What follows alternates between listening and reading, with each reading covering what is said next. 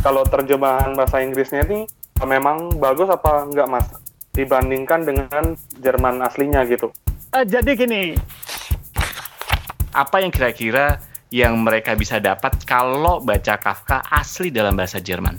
uh, jadi menurutku Ada pertanyaan dari salah seorang teman kepo buku ini, Mas. Dinda Ayu Prameswari namanya. iya Kesulitan apa yang Mas alami saat menerjemahkan The Trial? Eh, jadi gini. Jadi Hmm. Mas Seladu tuh bilang gini. If you want to fight with the Western, you have to master the Western world gitu ya.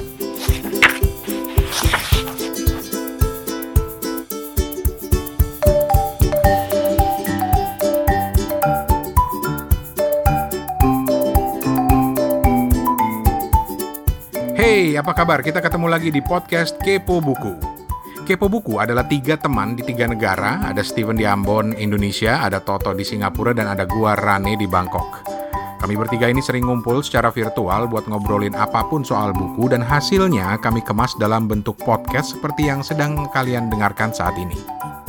Nah, di episode kali ini bahkan bukan lagi koneksi tiga negara tapi empat negara karena masih ada Mas Sigit Susanto di Swiss yang di episode sebelumnya sudah bersama kita ngobrol-ngobrol soal sosok Franz Kafka. Wah, seneng banget karena episode kemarin itu dapat banyak komentar positif dari teman-teman pecinta buku dan juga pecinta karya-karya Kafka dan tentu saja kita berterima kasih sekali. Nah, di episode ini, obrolan kita dengan Mas Sigit Susanto berlanjut dengan lebih fokus kepada pengalaman beliau dalam menerjemahkan karya-karya Franz Kafka langsung dari bahasa Jerman. Wow. Mari kita lanjut. Steven, lu udah baca kan yang Metamorfosa kan? iya Metamorfosa yang bahasa Indonesia udah baca tapi yang pengen aku tanyain ke Mas Sigit nih kalau terjemahan bahasa Inggrisnya ini memangnya eh, memang bagus apa enggak mas dibandingkan dengan terjemahan Jerman aslinya gitu Eh, jadi gini, jadi gini. Kebetulan aku juga udah membaca ya. Eh, misalkan aku kasih contoh dua contoh aja. Grete, ya, dalam cerita eh, Metamorfosis itu Grete itu kakaknya Samsa. gitu. Gre- Iya, iya. Mm-mm. di situ kakaknya. Eh, kalau dalam diskusi bahasa Jer di, di- di sastra Jerman, kalau membaca karya Kafka lebih baik membaca Kafka sendiri. Itu ada dalam diskusi grup 47 eh, pasca Hitler itu ada diskusi sangat keras di Jerman. Nggak usah baca karya Kafka, baca Kafka sendiri gitu.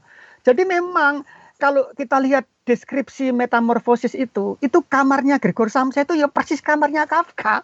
Ada tiga pintu gitu kan, yang sempit, Hmm. ada lilin. Jadi Oh. eh, lah kalau kita menerjemahkan karya Kafka, lebih baik kita membaca biografinya lebih detail. Kafka itu tidak mempunyai kakak. Kenapa Grete dalam metamorfosis disebut kakaknya Gregor Samsa? Seharusnya adik.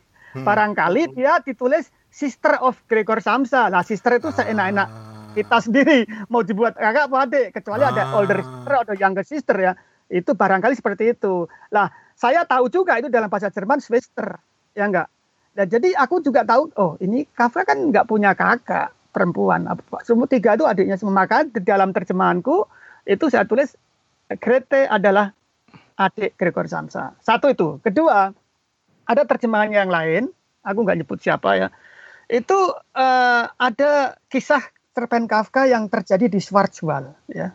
Schwarzwald itu kan nama sebuah hutan di Jerman. Schwarz dan Wal itu kan. Wal Hmm. itu hutan, Schwarz itu hitam, ya enggak? Ya di Indonesia kan itu jadi hutan merah gitu loh. Misalkan ya kan.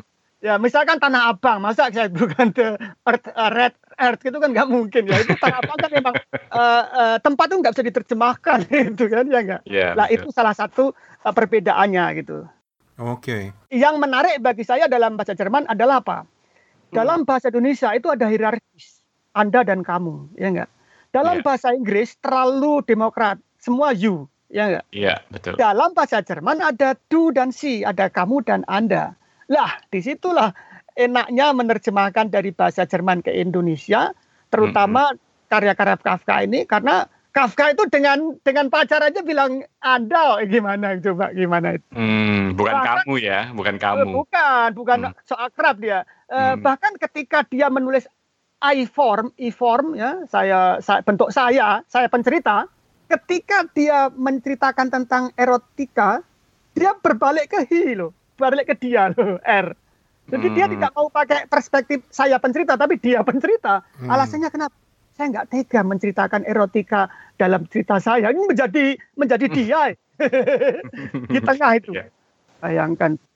Mas Sigit, dalam proses penerjemahan Kafka ini kan langsung dari bahasa Jerman ya. Tapi apakah juga mencari referensi lain, misalnya terjemahan dalam bahasa Inggris kira-kira kan Oh, iya. ada mm, Oh, iya, juga tentu. ya.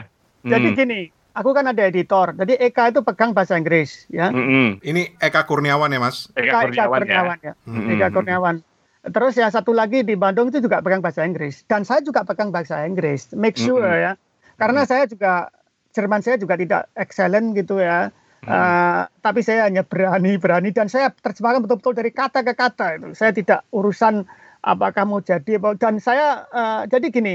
Aku pernah tanya guruku Fritzen di Ulysses itu, apakah translation is transfer from the content or transfer the lan- language ya? Ya, Hmm, terjemahan hmm, ba- hanya ngubah bahasa atau ngubah konten gitu. Betul, betul, betul. Ya. Ya aku tanya gitu. Jadi aku berusaha Kafka itu menulis dengan gaya styling yang long sentence ya. Kalimatnya tuh panjang-panjang. Dan itu tetap saya ikutkan dalam versi Indonesia pun seperti itu. Gitu. Hmm. Supaya pembaca tuh tahu, kok banyak. Jadi kadang-kala aku membaca resensi orang ya, wah terlalu panjang sekali kalimatnya saya bikin ngantuk gitu. Ya nggak urusan ya. Jadi itu kita nggak ada kompromi dengan pembaca ya. Itu kan kita hanya menunjukkan seandainya kita ber- tidak berhasil mendeskripsikan eh, kontennya, minimal kita stylingnya paling tidak seperti itu. Hmm, oke oke oke. Memang susah ya penulis pe- karena bagaimanapun gaya bahasa itu beda kan ya.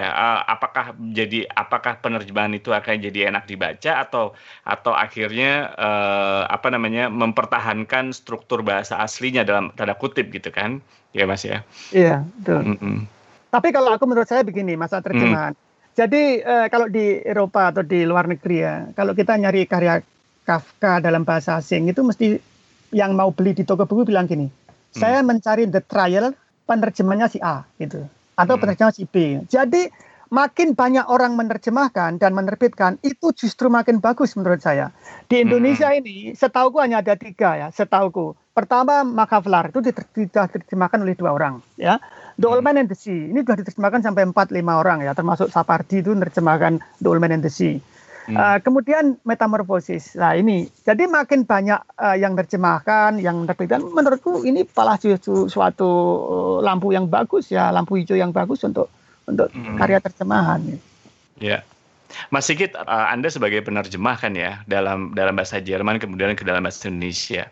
Kalau ada orang Indonesia yang bisa berbahasa Jerman, eh, ketimbang baca terjemahannya, apa yang kira-kira yang mereka bisa dapat kalau baca Kafka asli dalam bahasa Jerman? Ah, jadi menurutku Hmm. membaca teks aslinya itu ada sensasinya menurutku ya. Suasana batin itu ya, itu lebih pas gitu ya. Hmm. Tapi eh, terjemahan itu kan juga tidak mengurangi meskipun misalkan Betul. diter- diterjemahkan lebih jelek bukan berarti karya Kafka menjadi jelek gitu kan. Betul. Itu yang jelek terjemahannya gitu. Mm-mm. Eh, jadi menurutku sensasinya itu, sensasinya itu lebih mengena kalau dalam bahasa aslinya itu. Hmm. Tapi nyambungin dari Mas Toto tadi, kalau misalnya kemudian saya membacanya dalam bahasa Indonesia atau bahasa Inggris atau bahasa di luar bahasa aslinya, eh gimana ya ca- cara mengapresiasinya kemudian? Karena misalnya saya nggak bisa bahasa Jerman gitu. Ya jadi gini, eh, Edwin Muir itu penerjemah eh, karya Kafka, karya-karya Kafka tidak hanya satu karya diterjemahkan oleh Edwin Muir dan istrinya berdua ini dalam bahasa Inggris pertama kali 1953 kalau nggak salah. Edwin Muir. Ya Edwin Muir. Dan Edwin Muir ini sekarang dia menjadi karya yang klasik terjemahan ini kalau nggak salah Penguin sekarang diterbitkan ulang. Jadi Hmm. Edwin Muir itu bilang begini, saya tidak akan kompromi dengan budaya Anglo-Saxon dari Inggris ya. Saya tetap akan menunjukkan Kafka. Nah, apa efeknya? Pembaca-pembaca itu bingung. Pemba jangan kan ke Indonesia, pembaca-pembaca Inggris pun bingung. Ini kok seperti ini ya teksnya ini.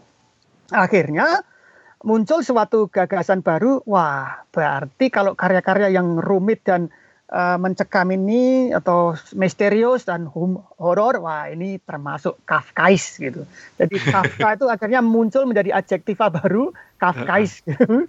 Jadi kalau sesuatu yang seperti itu berarti ini karya Kafka gitu. Jadi memang uh. dia memang punya karya tersendiri. Uh, ketika kita menerjemahkan sebuah karya sastra ya Mas Sigit, aku pengen tahu kalau di penerjemahan karya sastra itu kira-kira bisa terjadi nggak sebuah politik penerjemahan gitu? Soalnya kemarin aku baca uh, artikelnya Mas Jos Wibisono kan, dia kan cerita kalau sebenarnya surat-surat Kartini yang diterjemahkan dari bahasa Belanda ke bahasa Indonesia itu kurang kurang apa ya, kurang detail gitu. Bahkan cenderung melenceng dari uh, makna-makna aslinya begitu. Hmm. Nah, di situ dia menerangkan kalau sebenarnya ada sebuah proses yang namanya politik penerjemahan sehingga sebuah karya tertentu di mistranslasi dengan sengaja atau tidak sengaja yang pada akhirnya membuat si pembaca ini tidak dapat menangkap 100% makna atau uh, tujuan dari si penulis begitu. Apakah mungkin itu terjadi, Mas? Paham ya. Jadi gini, ada dua politik dalam terjemahan menurut saya ya. Uh, saya sudah lama dengar bahwa dulu Romo Mangun, uh, Romo Mangun di Jogja pernah bilang sebetulnya terjemahan Habib Yasin tentang Makaflar karya Multatuli itu hmm. terlalu halus. Hmm. Karena Romo Mangun pernah baca versi yang aslinya mungkin dalam bahasa Jerman atau Belanda saya kurang tahu. Hmm. Jadi terlalu halus gitu. Terus saya berpikir itu tahun 72, 1972 itu diterjemahkan Nabi Yasin. Seandainya pada masa revolusi itu uh, sudah di, di bahasa Indonesia kan, itu api revolusi lebih banyak berkobarnya itu. Hmm. Kenapa baru 1972? Itu ya ya kita tidak bisa nyalakan siapa saja tapi paling tidak satu poin itu uh, ada politik di situ. Uh, kenapa kok baru 1972 Belanda sudah pulang semua ya enggak? Ya enggak.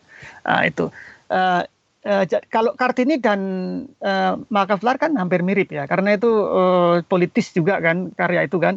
Tapi satu hal yang di luar politis, misalkan begini, ketika saya menerjemahkan proses, saya menghubungi uh, pihak Goethe Institute di Jakarta. Uh, hmm. Saya saya menerjemahkan uh, proses ini dari bahasa Jerman. Oh, kalau gitu, nah, diberitahu aku. Gini, nanti tak ajukan. Nah, jadi di Goethe Institute, ini Goethe Institute kan sebuah ini kan apa institusi budaya dari Jerman semua karya ini politik politik terjemahnya di sini. Yang kedua ini, semua karya sastra dari bahasa Jerman ke bahasa asing apa pun mm-hmm. itu akan dispot ya, akan dispot honornya itu oleh Goethe Institute. Itu syaratnya satu, ya logo Goethe Institute masuk di situ gitu. okay, okay. Eh, otomatis dia ingin mempopulerkan karya sastra, karya sastra Jerman ke Eropa ke luar negeri gitu, ke luar Jerman gitu. Lah, seperti itu. Dan dia bilang bahwa satu tahun atau dua, dua kali setahun itu ada diskusi di Munchen, di Munich ya, di, di Munchen untuk membicarakan tentang itu, tentang karya Jerman yang sudah yang diterjemahkan ke bahasa asing dan akan mendapatkan beasiswa atau, atau honor dari Goethe Institute. Lah di kita kalau menerjemahkan dari Indonesia ke bahasa asing, mana ada yang yang ngasih ya. itu kan nggak ada. Mana yang mau sponsori gitu ya, Mas Enggak? Iya, iya, ya. maksud saya seperti itu.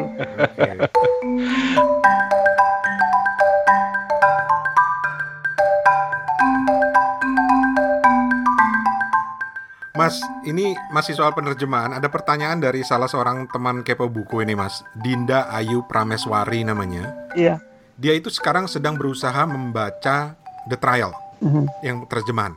Nah, pertanyaan dia adalah kesulitan apa yang Mas alami saat menerjemahkan The Trial?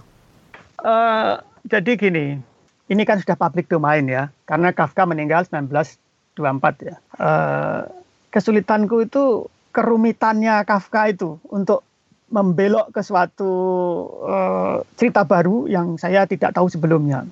Satu itu. Kedua, bahasa Jerman itu rumit ya. Misalkan saya ingin pergi ke pasar, itu kalau dari Jerman kan saya ingin ke pas, saya ingin ke pasar pergi, lah pergi. perginya itu di belakang gitu. Hmm. jadi yang kadang kala membingungkan siapa bicara dengan siapa ini di sini. Ini kesulitannya di sini. Saya kira penerjemah novel Indonesia ke bahasa Jerman pun akan kesulitan. Siapa bicara dengan siapa ini? Gitu. Di, ini ini kesulitan uh, kesulitannya di situ. Kelebihannya memang ada do dan si tadi ya. Ada hmm. kamu dan anda itu. Tapi kesulitan di situ bagi saya. Uh, satu saat uh, di dalam proses itu ada ada narasi tiga jendela di, di rumah itu. Tiga jendela itu Nah, kebetulan saya dikenalkan oleh teman, uh, aku ada teman di Malang ya, uh, Wawan Eko Yulianto sedang kuliah di Amerika, dan profesor dia itu menerjemahkan The Trial juga gitu. Saya dikenalkan oleh profesor itu dan komunikasi aku. Saya tanya, eh di sini kok ada tiga dalam bahasa Jerman ini tiga, tapi dalam bahasa Inggris dua. Hmm. Ya pasti yang benar pasti pasti tiga ini tiga jendela, yang bahasa Inggris dua jendela. Ini yang benar yang mana? Aku tanya profesor itu. Terus, Sigit ini yang benar dua. Loh, kok bisa? Kenapa bisa dua? Wong ini kan dari bahasa Jerman. Bahasa Inggris kan ngikut-ikut Jerman. Aku bilang gitu. Hmm. Oh, nggak bisa. Nggak bisa. Sebab begini, dia punya argumen yang saya bikin tenger-tenger gitu. Bikin bingung gitu. Jadi ternyata gini, gini. Jadi waktu proses itu diterbitkan oleh Max Brod tahun 1925, itu diedit oleh Max Brod gitu loh. Ah. Lah, diedit oleh Margot jadi tiga tiga jendela gitu. Lah sekarang ada edisi baru yang disebut original Ausgabe itu edisi yang asli gitu ya, original gitu. Itu kembali ke teksnya Kafka itu yang asli itu dua jendela gitu. Hmm. Jadi aku saya kira hmm. yang dua jendela itu, itulah kira-kira. Oh gitu. Dinda mudah-mudahan ini menjawab ya Dinda yang lagi dengerin uh, di Kepo Buku karena dia sedang berusaha katanya membaca The Trial ini. Nah, kembali ke sosok Mas, Max Brut tadi, dia ada pengaruhnya nggak sih menurut Anda ke karya-karyanya Kafka dalam artian seperti Anda bilang tadi mengubah mungkin atau mem membelokkan atau gimana karena yang aku baca ya Mas banyak sebenarnya karya Kafka itu yang masih dalam bentuk tulisan tangan bahkan nggak selesai gitu loh. Nah, Max Brut yang kemudian berjuang keras untuk uh, kemudian menerbitkannya. Tapi di situ ada pengaruhnya nggak sih, Mas, menurut Mas Sigit? Uh, kalau secara styling tidak ada ya, karena tidak ada styling. Tetapi dua orang itu memang ya sering jalan sama-sama, gitu. terutama dalam traveling ke Paris, ke ke Swiss, ke Italia itu dia sama-sama. Bahkan ke rumahnya Goethe di Weimar di Jerman dia bersama-sama juga gitu. Dan mereka dua-duanya menulis nulis tentang uh, buku harian di buku hariannya tentang traveling. Tetapi antara Brod dan Kafka itu dua-duanya sudah mencoba ingin membuat novel ya, novel yang kolaborasi berdua. Gitu. Hmm. Gitu. Judulnya Richard Richard dan Samuel. Gitu. Jadi jadi Richard dan Samuel itu kisah uh, di perjalanan itu dan itu ditulis oleh Brod dan Kafka. Ini baru bab satu sudah berhenti nggak dilanjutkan. Uh, jadi uh, apa namanya uh, Max ini ya dia juga nulis novel juga nulis novel tapi tidak tidak se, sedahsyat Kafka ya tidak tidak se, sehebat Kafka ya Kafka uh, bahasa Jermannya kan dia bahasa Jerman Austria yang di hmm. Cekoslowakia di bawahnya kerajaan Habsburger yang agak berbeda dengan Jerman pada umumnya ya itu jadi ya secara styling tidak tidak ada uh, tidak ada pengaruh dari Brod tidak ada. Tapi makamnya Max Brod itu di depannya Kafka. Jadi aku berpikir hmm. ini kamu mungkin kalau salah-salah minta maafnya lebih dekat dengan Kafka di depannya itu. itu. ini udah saking udah deketnya kali ya. Oke, okay, Toto, Steven masih soal penerjemahan ada yang mau nanya lagi? gue uh, pengen nanya sih, tapi mohon maaf ya Mas Diki kalau dianggap kurang ajar gitu ya. uh, setelah Kafka, apalagi Mas? Sebab kan begitu mendalami dengan Kafka gitu ya. Nah setelah Kafka kira-kira pengen menerjemahkan sastra siapa lagi Mas? Atau Wah, enggak deh, ini. pokoknya Kafka aja gitu. Wah ini. Uh, itu makanya. Kalau saya dianggap gini, kurang ajar. Kalau saya saya mau fokus ke Kafka saja ya. Karena aku belajar dari guru saya Pak Fritzen itu yang ngajari hmm. Ulysses itu dia duit umurnya 82 tahun tuh 52 tahun waktunya tuh di, dihabiskan untuk karyanya Jim Joyce sehingga dipanggil Joycean ya. Ya, hmm. menurut saya di Indonesia ini ya kekurangannya apa? Tidak ada satu orang yang menguasai satu sastrawan. Misalkan siapa yang bisa berani mengatakan ahlinya Pramudia? nggak ada. Hmm. Ya enggak? Ya, ini ya. jadi banyak orang bilang aku udah baca semua. Ya tapi coba kamu ya enggak. Saya kasih contoh satu aja Hmm, hmm. positifnya reading group ya. Reading group yang super alert itu ya. Satu setengah jam cuma eh, cuma satu setengah halaman dan tiga tahun hanya 700 halaman itu. Dalam novel eh, Makaflar ya. Temanku saya ajari membaca super alert. Ternyata temanku menemukan ketika Saijah dan Adinda berjanji ingin meninggal eh, meninggalkan eh, mau menuju Batavia itu harus membuat eh, garis-garis di lumpang dengan pisau gitu. Jumlahnya 32 32 garis. Saya membeli Makaflar dalam bahasa Inggris terbitan Penguin. Hmm. Jumlahnya 23. Kok bisa Indonesianya 32 atau aku terbalik aku lupa udah lama ya. Kalau Ah, dari 32 ini kok 23 ini. Tak kirim ini penguinnya ini, tak kirim ke temanku. Coba kamu cocokkan ini. Penguin, edisi penguin ini kan klasik ya. Hmm. Sekian 32 ini kok 23 seperti ini. Ditelepon penerjemahnya itu. Bingung dia. itu the power of reading group. Kalau kita hanya baca sekali duduk, tidak bisa kita akan tahu dan harus cari yang versi bahasa lain. Sehingga Hmm. untuk mencocokkan. Ini salah satu contoh. Ya enggak, Mas? Reading group, the power of reading group adalah seperti itu. Hmm. Nah, itu. Aku malah penasaran jadinya mas.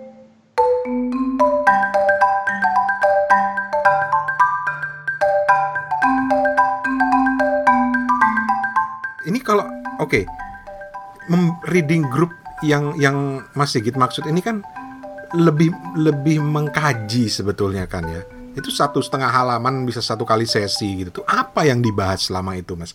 Apakah membaca kemudian dikupas atau gimana? Jadi gini, diksi ada diksi satu diksi itu diksi itu eh, dicari his, eh, history tag-nya itu dari mana diksi ini muncul. Oh. Kadangkala ada tiga baris dari puisinya eh, Dante ya.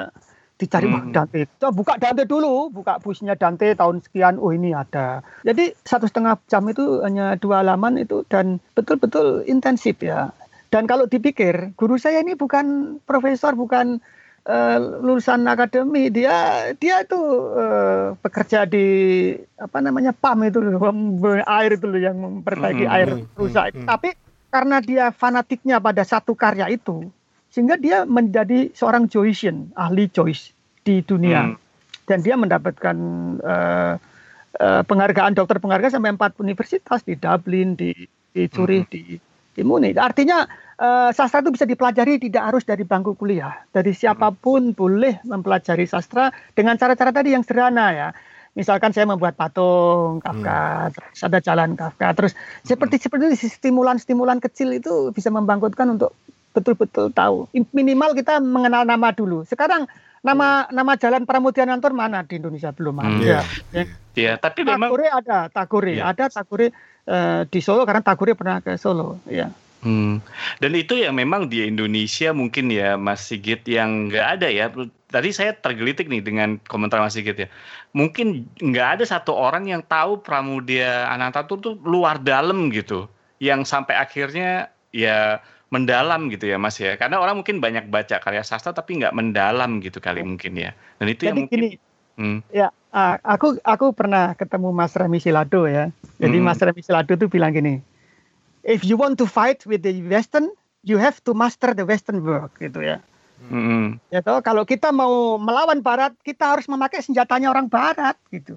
Hmm. Jadi saya tak pikir-pikir, wah aku menerjemahkan empat karya Kafka ini. Saya menekuni, saya berziarah. Ketika saya duduk di stasiun di, di kereta api dalam perjalanan di Swiss ini, di depanku Hmm. ada orang baca, kebetulan baca Kafka, saya digung, maaf, Anda baca karya Kafka? Iya. Baca apa? Misalkan gitu kan. Hmm. Dia bilang proses. Saya menerjemahkan. Wah, dia banyak banyak diskusi sama saya. Dia dipikir kamu kuliah di mana sih? Kuliah. Jadi eh, itu berkali-kali itu mas. Saya waktu menerjemahkan proses ini, saya ditinggal istriku di daerah Lugano dekat Itali. Dia Hmm. ke supermarket jalan-jalan gitu. Aku menerjemahkan di pinggir di pinggir eh, alam eh, di pinggir taman. Ada cewek Itali tidak tahu aku tidak bisa bahasa Itali, dia tidak bisa tahu bahasa Jerman. Dia Hmm. duduk, dia lihat aku nulisan Kafka itu dia langsung ah eh, bahasa Itali. eh, si Italiano eh, Kafka eh, dia kira-kira dia aku kuliah tuh mempelajari Kafka jadi Hmm. Eh, saya rasakan sendiri ya kalau aku menguasai Pramudia atau Ronggo Warsito ya saya ketemu orang Hmm. barat saya tanya eh kamu eh, aku tahu Ronggo Warsito loh dia nggak tahu gitu loh tapi kalau aku tahu yang dia tahu dan aku lebih tahu dari dia itu respeknya bukan main gitu loh. Hmm. Saya pernah ketemu tiga orang Yahudi, Mas. ya. Orang Yahudi itu di grup reading group Ulysses itu. Hmm. Saya bawa bukunya Kafka, tak lihatin. Wah, dia betul-betul ya dia dari Tel Aviv, ada yang eh, dokter dosen di Zurich gitu. Yahudi Yahudi ini lihat saya Waduh, gitu. Jadi artinya apa? Saya tidak apa ya, tetapi eh, itu tadi remisi lado itu. Melawan Barat harus dengan senjata Barat. Jangan senjata kita sendiri, bambu runcing misalkan ya kan? Hmm, iya benar benar benar. Itulah. Wah, menarik. Tok, jadi sastra bisa didalamin seperti itu, Tok. Ya dan lu mungkin bisa jadi ahli eh, Murakami juga lo, jangan cuma baca doang. Belum. Iya, Rani ini penggemar lo, Mas Sigit. Mas, Jadi ya, mungkin di Jepang itu. oh, Mas Mas Ran El Rani ini penggemar Murakami banget loh. Ya, udah katam. Wah, ini kita kita dukung nanti ada reading group murah kami ya. Wah, Ah, ah, tapi betul. terus terang, aku terbuka banget pikiran malam ini ngobrol sama Mas Sigit itu karena ternyata mengapresiasinya bisa sampai sedemikian itu gitu loh. Kalau aku terus terang kalau ditanya oh Murakami ini cerita apa, ini cerita apa, apa yang menarik, mungkin aku bisa jawab. Tapi kalau harus menggali lebih dalam, wah, gak kepikiran terus terang. Sekarang gini Mas ya, kenapa saya menerjemahkan surat untuk ayah ya? Surat Hmm, untuk hmm, ayah. ya. Hmm. Saya dari Spanyol ke Swiss. Di, di pesawat itu aku mau nyari tempat dudukku. Itu ada dua cowok berdiri. Ya Hmm. bule-bule lah Hmm. berdiri. Iya, Pak, ini wah aku mau nyari nomor dudukku kok ini berdiri. Dia diskusi tentang surat untuk ayah itu. Oh, karya Kafka. Berdiri. Wah, letter for uh, father itu Kafka. Waduh, banjidul ini. Lah, uh, tapi aku menikmati. Oh, hebatnya seperti ini Kafka ya. Itulah Mas, betul. Jadi kalau kita di Indonesia mungkin kurang bisa tahu uh, sejauh mana efek Kafka itu ya. Tapi kalau kita hidup di di Eropa ya, kita hidup di Eropa terutama di Jerman lingkungan bahasa Jerman ya. Oh Kafka betul-betul ada resonansi betul. hmm. Steven. Eh, kalau misalnya tadi eh, Mas Sigit bilang siapa kira-kira yang mendalami sastrawan kita ya luar dalam. Kalau misalnya sepengetahuan saya ya Mas, kalau bicara Pram itu kita bisa menyebut nama Muhyiddin yang di Jogja ini Mas. Mungkin eh, Muhyiddin M Dahlan eh, nama lengkapnya. Ketika dia eh, mengarsip eh, koran-koran, mengarsip eh, begitu banyak karya-karya jurnalistik pada masa lampau dan dan tentunya dia sangat-sangat eh, memahami dan memperdalam ini eh, pram gitu. Iya. Kebetulan aku tiap tahun ketemu Muhyiddin di Jogja. Jadi kita punya acara sastra kan.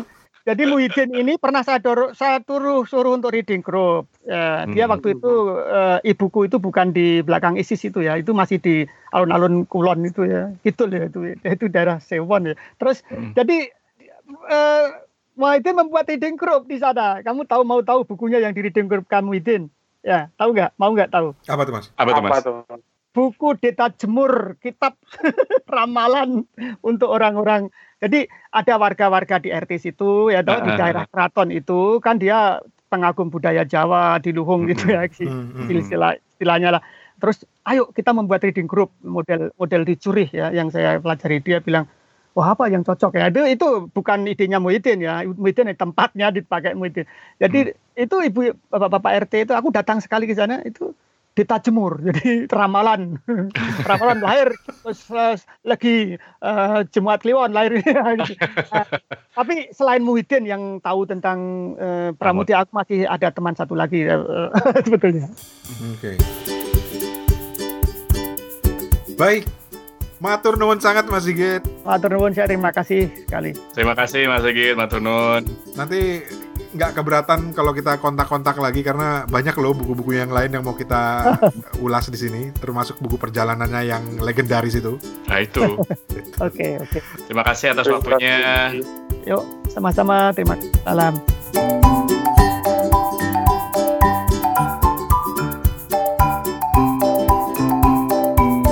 Diem kan lu pada lu denger obrolan Mama, Mama Sigit kan lu. Iya iya iya iya. Wah gila, gua hampir terkilir otak gua. Tapi sangat tercerahkan. Gue nggak bayangin ya kalau masih gitu jadi jadi guru bahasa kita dulu gitu ya toh ya, Evan ya. Mm, mm, mm, mm, mm. Gila ya, gue pikir sastra tuh menarik banget ternyata gitu. Enggak enggak cuma membaca. Sastra itu tidak apa ya? Apa sih namanya kan? Tidak tidak sendiri gitu. Sastra tuh keren banget lah pokoknya. Gimana gue definisian? Bahkan sekarang saking tercerahkan tapi otak gue hampir terkilir ya beginilah penjelasan gue. Tapi buat lo toh Hmm. yang sedang berusaha kita sumpelin dengan berbagai macam karya sastra. Ya. gue melihat ada poin menarik dari obrolan dengan Mas Sigit tadi yaitu bahwa ada bentuk kajian-kajian ya kan yang dia Hmm. bilang tadi itu sampai bisa ngabisin waktu berapa tahun hanya untuk mengkaji satu karya. Betul, betul, betul. Itu kan buat gue menarik loh. Lu kan tipe orang yang suka men- mengkaji secara mendalam gitu kan toh? Nah itu dia yang yang kalau gue lihat banyak buku-buku karya sastra ya walaupun sastra yang klasik maupun populer kalau untuk edisi bahasa Inggris coba sesekali kita lihat ke belakang gitu Em, biasanya uh, ada beberapa buku yang me- memberikan uh, minimal gitu ya read- readers book club guidance jadi bagaimana membaca gimana pernah lihat nggak lo di buku sastra atau buku buku cerita gitu di, di belakang banget itu Mhm. ada uh, book clubs guidance something like that gitu. Jadi misalnya kayak gue baca sastra, nanti di situ ada pernah pertanyaan nih, kenapa si tokoh ini begini, kenapa si tokoh ini begini, dan itu bisa untuk jadi bahan diskusi. Itu yang gue belum lihat di buku-buku Indonesia. Ah iya benar benar benar. Ada kan biasanya kalau kita baca buku tiba-tiba di belakang ini apaan ya ada readers book club uh, guidance atau apa gitu. Nah itu isinya adalah pertanyaan-pertanyaan yang pertanyaan-pertanyaan yang mungkin bisa nih di di di apa namanya di diimplementasikan kita kan punya buku uh, book club gitu. Jadi mendiskusikannya itu. Tapi tadi kalau gue dengar dari Mas Sigit ya itu lebih dalam lagi, lebih gila lagi. dalam Kalau- banget, dalam banget sampai bisa habis 2-3 tahun untuk mengkaji itu kan keren banget gile. Keren banget ya. Van kalau lu apa yang lu kesan lu tadi ngobrol dengan Mas Sigit Van? Eh, sejujurnya kayak aku bisa lihat ini kalau menikmati karya sastra tuh sesederhana kita menikmati cerita ya Bang Rane ya. Hmm.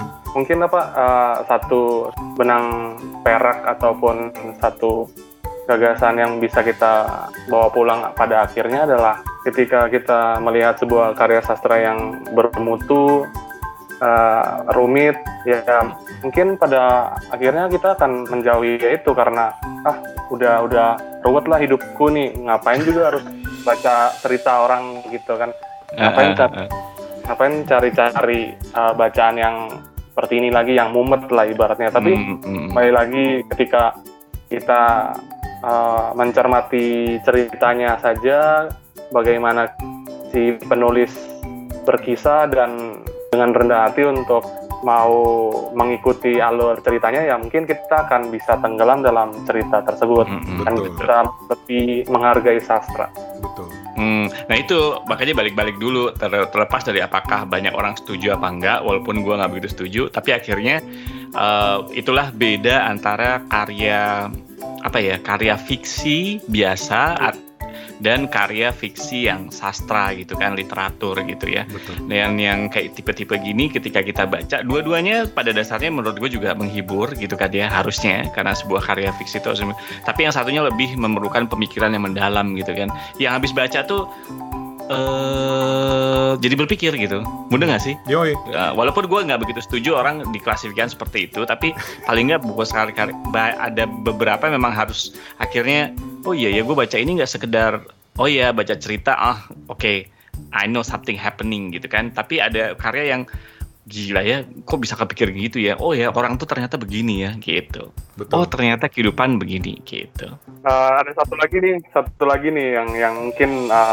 sebelum sebelum kita tutup nih, uh, yang aku ingat dari percakapan tadi tuh kalau Hmm. misalnya kita tadi uh, baca Kafka, baca Murakami, terus tiba-tiba ketemu dengan orang lain yang mungkin dia juga lagi baca novel atau baca buku yang sama tuh membuat kita tuh jadi kayak kayak warga dunia yang setara gitu ya. Maksud aku kayak kita jadi jadi punya sebuah pengetahuan yang universal dan itu dari sebuah karya sastra dan itu aku kira sangat-sangat apa ya mengagumkan ya kalau kita dengar tadi cerita beliau gitu. Beliau bisa merasa terhubung dan bisa uh, begitu berpassion, bisa begitu berga- bergairah untuk mendalami seorang sastrawan asing yaitu Kafka. Mengagumkan. Betul banget. Bang Rane Mas Toto. Aku ada ada ada ingat satu lagi nih. Uh, mungkin ketika kita habis dengerin episode ini makin banyak lagi nih penulis yang masuk di wishlist bacaan kita. Soalnya Yo. di Twitter kemarin tuh aku sempat lihat tweet seseorang gitu. Bang Rane lihat nggak di tab mentionnya Lihat, podcast Kepo Lihat, Buku? lihat. Ah. dia bilang kan kalau sehabis baca Kepo Buku tuh langsung wishlist atau buku yang pengen dibeli tuh makin nambah dan ya perasaanku ketika baca itu ya senang dan semoga rekomendasi kita tuh bisa masuk ya bisa Betul. menjadi sebuah referensi tersendiri Betul. Dan karena itu kita nggak mau membatasi eh, genre Ya. buku yang dibahas di Kepo Buku ya. Betul, betul. Oke. Baiklah. Thank you Toto, thank you Stephen. Terima kasih. Stay safe everyone. Oke, bye-bye. Bye bye.